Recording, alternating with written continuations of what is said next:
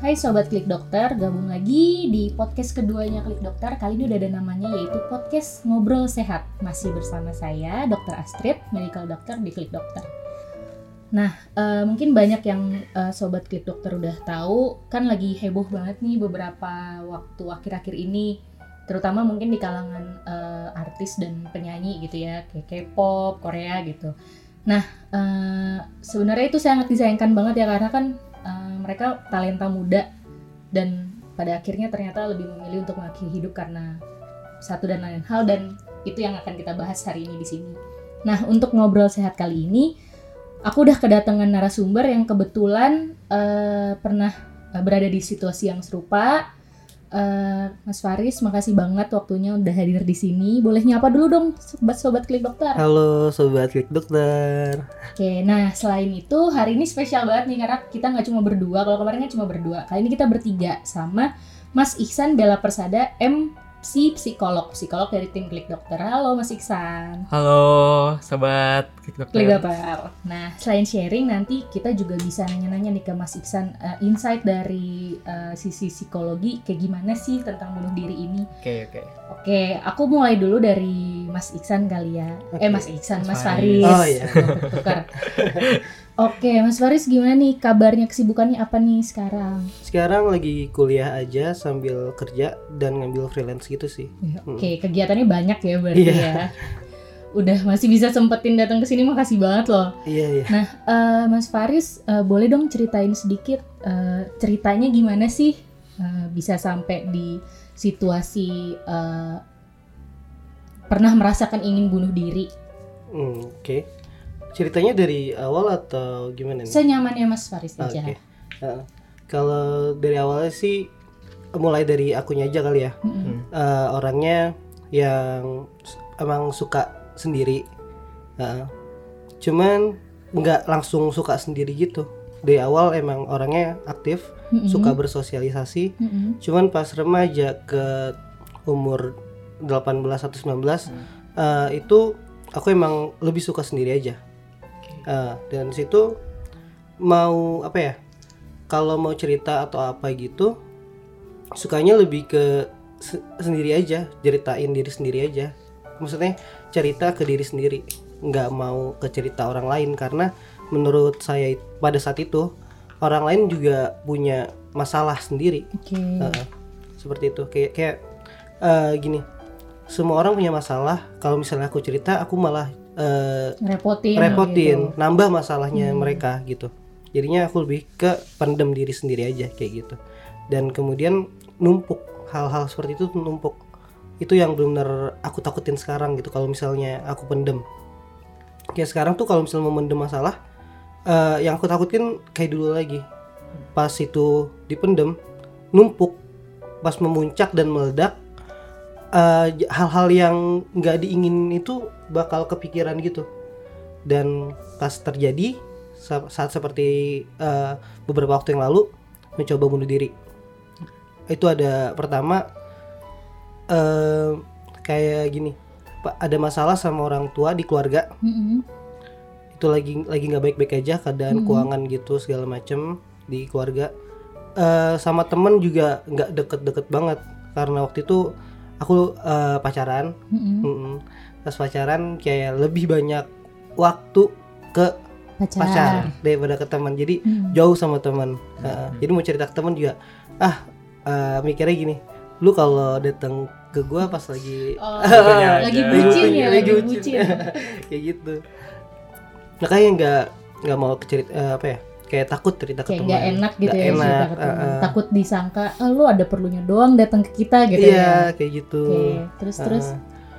Terus akhirnya uh, muncak banyak masalah terjadi muncak meledak. Uh, hal yang aku nggak pengen tuh sakit hati benar-benar sakit hati tuh nggak enak banget menurut mm -hmm. aku uh, jadi mendingan sakit yang lain daripada sakit hati. Maksudnya sakit yang lain tuh fisik yang sakit hmm. uh, akhirnya udah menyerah di situ memutuskan untuk ah cukup untuk hidup. Okay. kayak gitu. Akhirnya melakukan uh, bunuh diri. Apa, apa? Percobaan, bunuh diri ya oke okay. uh, eh, sampai sini dulu nih. Eh, boleh nggak aku nanya eh, waktu itu apa sih yang eh, Faris lakukan? Yang Faris katakan dengan percobaan bunuh diri? Eh,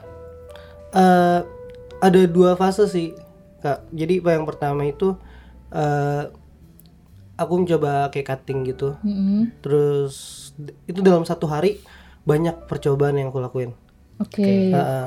Apa itu aja tuh? kayak eh, cutting pertama Mm-mm. terus gantung diri Mm-mm. dan minum cairan-cairan yang eh, menurut aku itu bisa membunuh kayak Oke. gitu Heeh. tapi itu semua eh, tanda kutip gagal gitu ya maksudnya gagal nggak- ya nggak nggak ber, nggak nggak berhasil nih karena memang Faris akhirnya mengurungkan niat kah atau gimana? Eh, pertama jadi em, ada aja kendala gitu Hmm. Yang pertama pas aku gantung diri, pertama kali aku coba gantung diri itu kayak rak yang apa gantungan itu nggak Mm-mm. kuat gitu, jadi Mm-mm. jatuh gitu. Hmm. Terus yang kedua itu aku coba minum eh nggak cutting, Mm-mm. Eh, tapi cuman darah banyak, Mm-mm. tapi kayak kok nggak mati-mati gitu. Hmm. Akhirnya yaudah coba lagi cari cara em, minum cairan-cairan yang aku anggap itu membunuh. Mm-mm. Oke.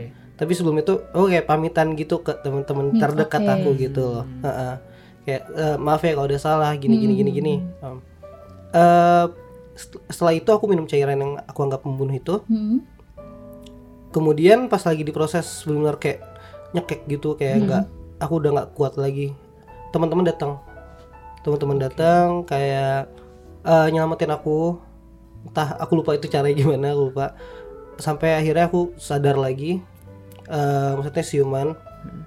Dan kemudian mereka bantu support aku gitu loh. Oke. Oke.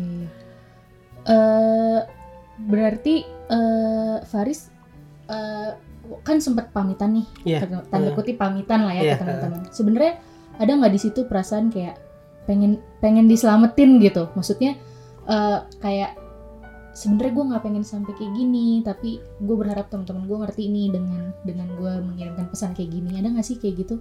nggak ada sih Jadi memang Oke. pure pen pamitan gitu. Hmm, Iya. hmm. Oke. kayak udah nggak kuat aja Oke, ini aku sebentar mau nanya ke Mas Iksan juga nih. Eh, bi- yang kalau yang aku dengar kan memang orang yang punya suicidal tendencies atau kecenderungan untuk pengen bunuh diri itu kan mencari pertolongan dulu Hmm, gitu. hmm, hmm. Entah dengan misalnya dia curhat, meskipun dia nggak dengan gamblang ngomong kayak aku pengen bunuh diri, Hmm, hmm. tolong gitu. Hmm. Tapi dia kayak misalnya ngepost di sosial media, Hmm, misalnya Ah. kayak aduh sedih banget, depresi gini gini gini, Hmm, hmm, berharap ada orang yang notice dan Hmm, hmm. reach out gitu ke Iya. dia. Benar nggak sih Mas Iksan kayak gitu? Eh, tergantung individu ya tetap balik lagi ya. Hmm. Karena ada orang yang memang tidak ingin menunjukkannya. Tuh, Oke. tidak ingin menunjukkannya kalau dia memang eh, sedang merasa sedemi- merasa demikian, merasa Hmm. ingin bunuh diri. Tapi ada juga memang yang eh, satu sisi ingin menunjukkan ke orang lain bahwa aku lagi butuh perhatian nih, aku lagi Hmm. mengalami hal-hal seperti ini seperti eh, merasa tertekan, merasa ingin eh, bunuh diri gitu. Hmm. Jadi baiknya tergantung individunya gitu sih. Oke, jadi memang balik lagi ke individunya. Ada yang memang seperti itu, ada Ya. juga yang enggak ya. Hahaha. Oke, terus eh, balik lagi ke Mas Faris nih. Ya. Sekarang setelah eh, lewat lah ya fase Ya. fase dark di hidupnya Mas Faris gitu. Ya. Eh, gimana sekarang Mas Faris tuh kalau lihat ke belakang ke ke momen-momen itu ke fase itu apa sih yang ada di pikirannya Mas Faris? Eh, lebih kayak itu aja si apa seorang Faris ini eh, emang harus menjalankan fase seperti itu untuk menjadi yang sekarang atau nanti ke depannya kayak gitu aja sih Oke, Hmm. jadi eh, menganggap bahwa ya itu fase yang emang harus dilewati aja gitu Iya, ya. perjalanan aja Heeh. maksudnya ada ada yang bisa dipelajari gitu ya Hmm, dari iya. dari momen dari momen itu gitu. Terus eh, keluarga sempet tahu nggak kondisi Mas Faris yang itu? Tadi kan temen nih, Iya, pamitan iya. ke temen, Eh, temen datang bantu. eh. Tapi keluarga gimana? Eh, itu beberapa minggu kemudian baru tahu. Setelah melihat kayak uh, cutting itu Oke. kayak berbekas gitu Hmm, kan. hmm, Eh, hmm. Akhirnya mereka cuman kayak apa sih gini gini gini gini? gitu. Kenapa sih? gitu kan. Hmm. cuma nanya. Aku cuman kayak marah-marah marah-marah nggak jelas itu kayak enggak aku nggak apa-apa gini-gini apa sih nanya-nanya Hmm. gitu Hmm. gitu. Akhirnya yaudah pergi. Dan sampai sekarang juga nggak pernah cerita tentang ini gitu ke Hmm. mereka ke adik pun sekali Oh pun gitu. ke Jadi- keluarga nggak Jadi sebenarnya sampai sekarang tuh belum belum tahu kalau Mas Faris pernah Hmm. ada di titik itu. mungkin mereka tahu emang keluarga aku tuh kayak gitu jadi eh, saling nggak cerita Mm-mm. tapi kayak tahu aja dan oh iya begitu Tapi diem aja Heeh. gitu. dan melakukan hal yang eh, memperbaiki itu gitu Oh jadi langsung loncat ke solusi gitu ya. Iya. Kayak oke eh, Faris kayak gini kita harus ngapain gitu. Heeh, kayak gitu lebih kayak gitu sih Tapi Faris sendiri juga nggak pernah ngomong kayak "Eh, mah pas sebenarnya Faris gini loh atau kak eh, Faris tuh misalnya apa ya ada masalah loh kemarin eh, sama ini ini tuh enggak ya? emang enggak emang enggak kayak Oke, gitu memang eh, dinamika keluarganya Iya. Faris kayak gitu ya? Iya. Oke. Kemudian waktu itu eh, apa tuh yang dilakukan oleh keluarga saat itu? Eh, paling cuman kayak ini sih eh, lebih ngasih perhatian Hmm. terus eh, lebih bertanya Oh tapi jadi lebih lebih Iya, bertanya gitu Iya, ya eh, sekarang ya? lebih bertanya aja Oke. Oke, gimana nih Mas Iksan nih? Aku mau nanya sekarang ke Mas Iksan. Sebenarnya eh, kan makin ke sini memang angka eh, percobaan bunuh diri dan tendensi orang untuk bunuh diri kan semakin meningkat ya. Mhm. Eh, Sebenarnya apa sih eh, yang menyebabkan seseorang tuh eh, gini dulu deh, da- antara antara satu orang dengan yang lainnya, apa sih yang membuat orang tersebut punya tendensi bunuh diri lebih besar daripada orang lain gitu? Oke. Eh, pertama pasti eh, setiap orang kan maksudnya punya toleransi tersendiri eh, terhadap stres yang dia punya. Mm-mm. Yaitu kayak ada resiliensi. Jadi daya tahan dia bantingnya dia ketika dia ada stres, ketika dia ada- merasa tertekan, ada orang yang resiliensinya itu baik. Ketika resiliensinya itu baik, maka eh, dia itu tidak rentan untuk eh, stres. Jadi dia eh, mudah untuk bangkit lagi ibaratnya kayak Oke. gitu. Tapi kalau ada orang yang eh, resiliensinya rendah, maka dia akan cenderung langsung eh, mencari tindakan hal apa sih yang bisa dia lakukan yang mudah untuk menyelesaikan masalah tersebut Oke. kayak gitu. Eh cuman kalau misalkan dari faktor-faktor apa aja yang pendorong em, membuat orang kayak ada yang mudah untuk bunuh diri, eh, ada yang eh, sulit, maksudnya nggak mudah untuk melakukan bunuh diri itu eh, banyak hal sih. Jadi kayak salah satunya kayak pemecahan masalah dia. Jadi kan setiap orang punya kemampuan pemecahan masalah, Mm-mm. problem solving. Hmm. Nah, mereka yang eh, memiliki problem solving yang bagus itu biasanya rentan untuk tidak melakukan hal itu eh, rentan eh, lebih kecil resikonya. lebih kecil gitu ya. resikonya untuk tidak melakukan eh, hal-hal tersebut gitu. Tapi kalau bagi mereka yang eh, pemecahan masalahnya rendah, maka mereka akan sulit untuk mencari solusi atau alternatif mana nih yang membuat mereka bisa menyelesaikan masalah dengan baik kayak gitu. Terus juga ada eh, rasa keberhargaan diri mereka sendiri gitu. Kalau misalkan mereka yang memiliki harga diri yang baik, mereka pasti cenderung akan lebih mencintai diri mereka sendiri. Mereka akan menghargai diri mereka sendiri sehingga mereka tidak mudah untuk mm, melakukan tindakan yang melukai diri mereka gitu. Tapi kalau mereka yang memiliki eh, kerasa keberhargaan diri yang rendah gitu kan, di situ mereka akan merasa saya ini orang yang tidak dicintai loh gitu. Saya ini orang yang eh, tidak bisa apa-apa. Saya ini tidak pantas eh, berbuat apa sih yang bisa diterima oleh orang hal yang besar. hal-hal yang gitu. besar kayak gitu sehingga makanya cenderungnya itu mengecilkan diri mereka sendiri Hmm. gitu Hmm. gitu Iya sih. Jadi eh, kalau aku telisik dari informasinya tadi, Hmm. berarti banyak banget ya dari childhood juga Bisa, ngaruh, parenting uh, juga mm, mm, ngaruh, mm, terus mm, kehidupan di sekolahnya seperti apa Iya. gitu juga ngaruh banget berarti ya. Ngaruh, Maksudnya ngaruh. keberhargaan diri kan bisa didapat dari mana aja kan dari orang tua kita ke kita gimana gitu, dari lingkungan sekitar kita seperti apa gitu. Oke, terus eh, kayak misalnya genetik gitu ngaruh nggak sih Mas Iksan? Eh, genetik itu em, ibaratnya kayak memperbesar apa namanya? Resiko. memperbesar resikonya sih Meskipun sebenarnya. tidak selalu ya. iya itu tidak selalu gitu gitu, karena kan memang eh, banyak kayak masalah kesehatan eh, gangguan jiwa lainnya itu juga dipengaruhi oleh genetiknya juga. Jadi bisa kan ada yang turunan gitu. Misal orang tuanya memiliki eh, gangguan depresi eh, maka anaknya itu ada akan memiliki kecenderungan lebih besar untuk mengalami depresi juga seperti itu sih ya. Meskipun tidak selalu. Iya. Dan bisa juga orang tuanya nggak kenapa-napa. Ah, Tahu-tahu anaknya, anaknya. juga bisa mengalami Ah, depresi. karena gitu itu ya. ada faktor-faktor kayak tadi ada misalkan masalah eh, psikososialnya, Hmm. masalah psikologisnya. Jadi nggak cuma dari to atau biologis aja sih kayak gitu. Oke. Nah, terus Mas Isan, eh, kita kan nggak selalu tahu nih orang di sekitar kita tuh apa sih yang sedang mereka alami gitu. Jadi Hmm, kadang hmm, bukan yang nggak pek, bukan yang nggak peka ya. Maksudnya kadang ya emang kita nggak tahu aja Iya. gitu nggak tahu apa sih tanda-tanda yang harus diperhatikan gitu dari seseorang kalau mereka tuh mengalami kecenderungan misalnya depresi atau uh, anxious atau Mhm, apa gitu mhm. ada nggak sih yang bisa kita kenali Eh, kalau misalkan dalam hal kasus bunuh diri ya, Mm-mm. kalau dalam hal bunuh diri itu biasanya kan kita bisa lihat eh, ketika kita interaksi sama em, ketika, misalnya ketika kita interaksi, interaksi sama orang yang eh, punya pemikiran untuk bunuh diri atau mencoba bunuh diri, eh, awal-awal ber- biasanya mereka tuh ngomong kalau misalkan hidup mereka tuh kayak udah nggak berharga gitu, selalu udah nggak berarti di dunia ini gitu.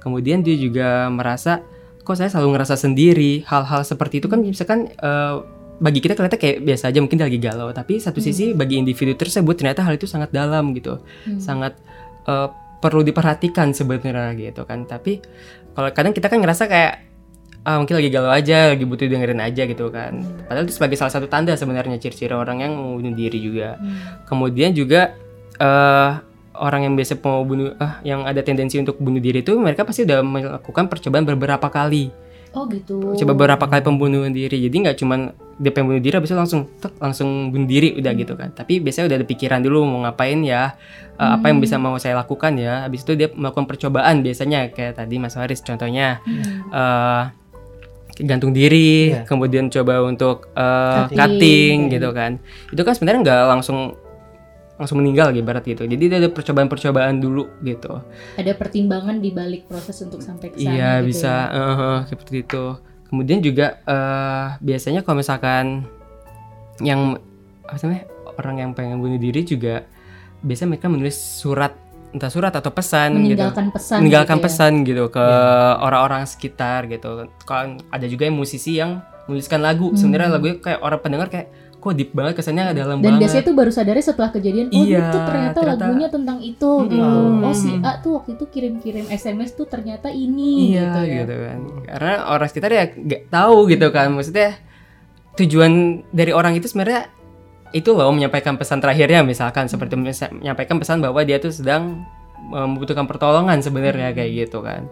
Terus juga ciri-ciri lagi dia mereka itu biasanya eh, memiliki kesulitan tidur ada gangguan tidur jadi entah tidurnya lebih eh, lama atau misalkan jadi sulit tidur gitu. Terus juga ada self harm Eh, maksudnya eh, perilaku melukai diri mereka sendiri gitu. Dan itu biasanya diawalin dulu sih dari perilaku melukai diri sendiri kemudian baru ber- berlan- berkembang menuju ke berkembang- sana. iya berkembang menuju ke arah kayak bunuh dirinya itu. Oke. Nah, dari ciri-ciri tadi nih, eh, Mas Faris, eh, menurut Mas Faris yang pernah berada di fase itu benar nggak sih? Terjadi nggak sih itu sama Mas Faris? Iya sih, ke terjadi gitu. Kalau dulu tuh sebelum melakukan hal bunuh diri itu, Mm-mm. eh percobaan bunuh diri, Mm-mm. aku tuh lebih ke forsir waktu. Jadi kayak dulu kan emang fokus di olahraga. Mm-mm. Hmm. Jadi benar-benar latihan diforsir banget sampai benar-benar nyiksa diri gitu. Hmm. Sampai nggak apa nggak maunya apa ya? Biar kayak sakit hatinya tuh nggak kerasa. ya gitu. kayak gitu. Hmm. Lebih mau forsir waktu aja sih gitu. di pelampiasannya ke situ ya Ya. Mhm. rusak diri Jadi sendiri kayak ibaratnya kayak gitu numbing ourselves gitu kali ya. Iya. Jadi kayak biar sakit hati yang nggak kerasa, sakit fisik aja nih Mm-mm. yang, yang dicari Mm-mm. gitu Iya, ya. seperti itu. Oke, terus eh, Mas Faris juga kan sempet tadi cerita emang meninggalkan pesan pamit dan eh, segala macam ke Iya, teman-teman ya. eh. Berarti sesuai juga tuh sama yang tadi disampaikan sama Iya. Mas Iksan ya. Hmm.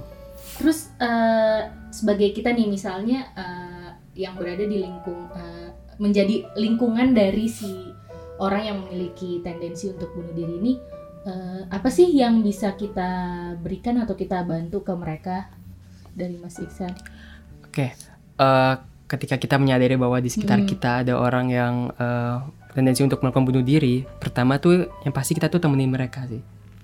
Terus kemudian eh, ketika mereka menceritakan sesuatu yang mereka rasakan, kita sebagai pendengar tuh wajib mendengarkan dengan baik. Kita tidak diperkenankan untuk eh, menjudge mereka gitu. Karena di sini mereka tuh butuh didengarkan. Mereka butuh mengungkapkan apa yang mereka rasakan di sini. Tapi ketika kita menjudge, eh, contohnya misalkan eh, lu sih soalnya karena jarang ibadah gitu kan Ah. kayak gitu nah itu kan maksudnya itu, itu kan menjudge Hmm. mereka gitu kan nah itu malah membuat mereka makin merasa oke berarti Oh, gue gua salah, ya, kayak Iya. gitu Kayak gini, Heeh. ngerasa kayak gini. Gitu. makanya ada makanya ada yang membuat mereka jadi nggak mau cerita juga tuh ke orang sekitarnya karena eh, ada ada judge juga dari orang sekitar padahal yang mereka butuh adalah teman ditemani gitu teman untuk dimengerti apa yang mereka Hmm. rasakan seperti Hmm. itu. Terus juga eh sebisa mungkin untuk menjauhkan benda-benda yang berbahaya sih. Jadi Kalau memang kita udah tahu, oh nih kayaknya ya takut nih ah, dia ke arah sana gitu. Mm-mm. ketika kita sudah mengetahuinya, eh, contoh kayak pisau, cutter gitu, Iya. itu sebaiknya kita sebagai orang terdekat itu meng umpet- menghindar em, Menjauhkan menjauhkan dari menjauhkan dari orang tersebut. orang tersebut gitu. Kemudian jika kita memang tadi sudah tahu kalau misalkan eh, orang tersebut itu ada tendensi untuk bunuh diri, eh, kalau misalkan memang kita merasa kurang ke- kurang cukup untuk menemaninya atau mengatasi eh, permasalahan tersebut, boleh langsung ke profesional, ke psikiater atau ke psikolog. Nah, setelah setelah mendapatkan treatment, itu juga kita eh, orang sekitarnya bukan berarti langsung meninggalkan atau udah cukup kayak biasa lagi, tapi tetap mendampinginya lagi seperti biasa agar tidak relapse juga merekanya gitu. Jadi tetap merasa oke, aku masih berharga, aku masih ditemani sama mereka, aku nggak sendiri kayak gitu sih. Oke, jadi eh, aku sempat baca juga tadi sebelum mulai nih eh, dokter spesialis eh, kes- apa kesehatan jiwa Mm-mm. bilang budayakanlah curhat. Iya betul, boleh kan curhat. Iya, karena kan Hmm. sekarang kita Iya, takut iya. dikit-dikit baper aja lu ah. Baper lu Ah. gini-gini gini yang Mm-mm. bikin kita jadi tertutup gitu. Iya, iya. Mm-mm. Takut ah dibilang gini, dibilang gitu Baper. gitu. Iya kan? Iya. Gitu. Nah, eh, sebenarnya di Indonesia untuk masalah eh, bunuh diri atau gangguan eh, mental atau tendensi depresi dan segala macam tuh ada nggak sih eh, platform-platform bantuan misalnya hotline atau eh, layanan kesehatan jiwa gitu? Mhm. Ada nggak sih Mas Iksan? Sebenarnya ada ya. Eh, dulu juga sempat juga ada punya pemerintah juga. Mhm. Cuman saat ini udah Lagi close lagi ya? close, Oh. lagi close. Cuman tetap ada juga dari Kemenkes juga memberikan ada nomor hotline-nya juga dan juga ada beberapa rumah sakit yang siap melayani 24 jam. Eh, rumah sakit jiwa di tersebar di Pulau Jawa dan salah satu juga di Jakarta dan itu siap melayani eh, penanganan bunuh diri gitu. Jadi melalui konseling itu. Terus juga ya banyak juga swasta juga yang bisa ditemukan melalui kayak online tanya online juga gitu Website. website Oh. online seperti itu sekarang udah mulai banyak karena sekarang juga orang-orang juga udah mulai aware lagi sih dengan kesehatan mental gitu Oke, ini udah banyak banget nih insight baik dari Mas Faris maupun Mas Iksan yang kita dapat seputar tentang suicidal tendencies atau uh, tendensi untuk bunuh diri. Nah, sebelum uh, kita masuk ke kata-kata mutiara untuk mengakhiri podcast kita hari ini, mungkin dari Mas Faris ada nggak sih pesan-pesan yang mau Mas Faris sampaikan mungkin untuk sobat klik dokter di rumah atau di jalan mungkin yang uh, mungkin sekarang lagi ngerasa di posisi yang sama seperti Mas Faris dulu Mas Faris ada nggak eh, pesan yang mau disampaikan? pesannya gini aja sih em, tenang aja kamu nggak sendirian gitu aja Iya betul Sendiri ya. betul nah Ya, itu Sendiri enak ya. Mhm. Kadang kita berpikir kayak enggak aku tuh kuat Bisa, sendiri gitu. Tapi ya namanya Ya. manusia makhluk sosial kita tetap butuh orang, orang lain. ya. lain Iya. gitu Oke, eh, memang kesehatan mental ini nggak bisa disepelekan ya apalagi Mhm. sebenarnya juga angka bunuh diri ini ternyata lebih tinggi di negara yang berpenghasilan lebih tinggi daripada lebih rendah. Ah. Jadi makin makmur hidup belum tentu makin bahagia ternyata. Mhm. gitu jadi eh, memasuki tahun 2020 mungkin kita semua bisa sama-sama menjadikan kesehatan mental sebagai resolusi 2020 20 ya harus Gitu ya. oke eh, itu dulu podcast kita hari ini udah seru banget mudah-mudahan nanti di episode berikutnya bisa ketemu dengan topik yang lebih seru lagi makasih banget untuk untuk Mas Faris dan Mas Iksan yang udah nemenin aku hari Sama-sama. ini di sini terima kasih udah diundang klik dokter Terima kasih juga buat sobat klik dokter semua yang udah Hmm. dengerin. Eh, sampai ketemu lagi di episode berikutnya. bye bye Bye.